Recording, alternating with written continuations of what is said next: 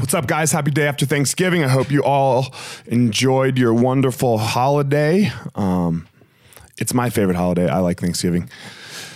Uh, but it's not what I'm talking about today. What am I talking about? I wanted to talk about so this this process of learning that uh, that I tend to go through over and over and over again, especially with jujitsu.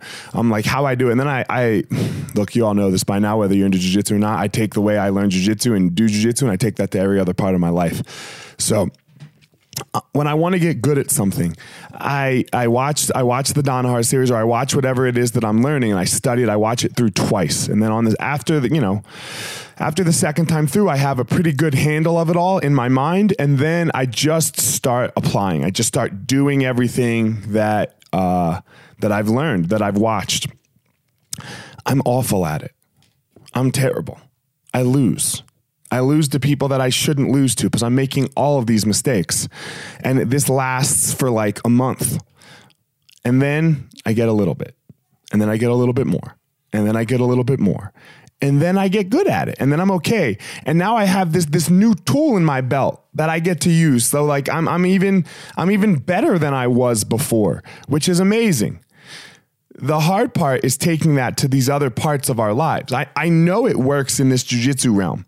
The hard part is like doing the the other stuff in my life where I'm like, okay, I'm gonna work on this. I don't know, maybe it be my relationship with my wife you know, or or how I deal with my children, because like there's always things that we can do better in in, in every in every instance of our life. Look, I was already good at jujitsu. Don't like let's not kid ourselves. I was already a black belt. I already fought in the UFC. I, I, like it's it's not necessary to to do this, but I like I like getting better. So, uh, I'm a good husband. I'm a good father. I think. I guess you can't really say you you don't get to really say those things. So I mean, I, I hope I am, but I can always be better. I can always be better. But the challenge there is it's so personal. Right? It's it's so it so touches your your emotion of who you are or when your kids aren't doing the right thing or when your wife or your husband starts popping off at you and you know you're working on trying to respond better, but god damn.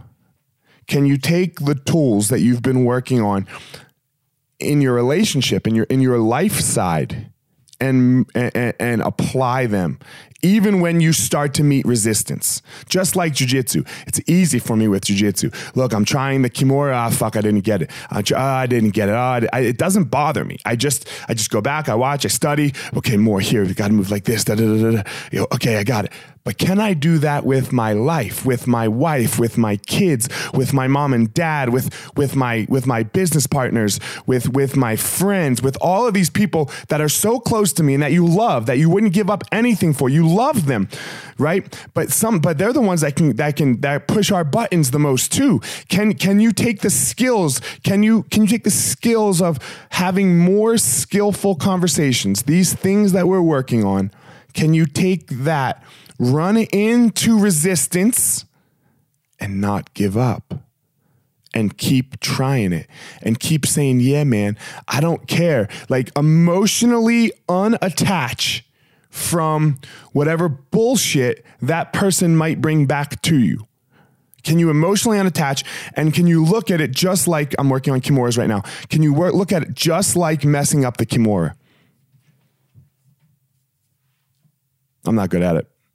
Uh, you know, I'm working on it still. I'm really, I'm, I'm like white belt. Maybe I have a couple stripes. It's okay. I'm going to get my black belt in this too. Find your power.